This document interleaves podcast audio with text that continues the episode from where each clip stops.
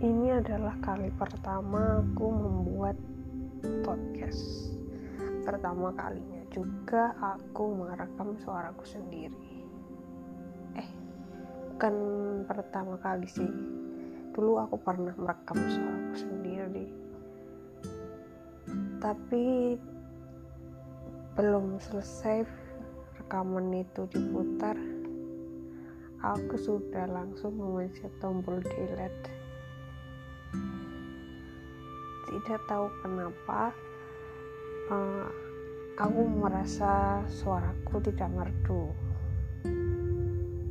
Jangankan untuk menyanyi untuk bicara di depan banyak orang bahkan untuk ngobrol untuk mengeluarkan banyak suara aku terkadang tidak percaya diri.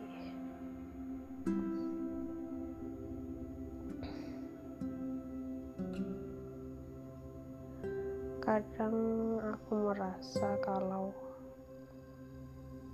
yang aku bicarakan tidak cukup merdu untuk didengarkan oleh telinga Nada bicaraku berantakan, eh, lalu kadang aku terpatah-patah, kadang aku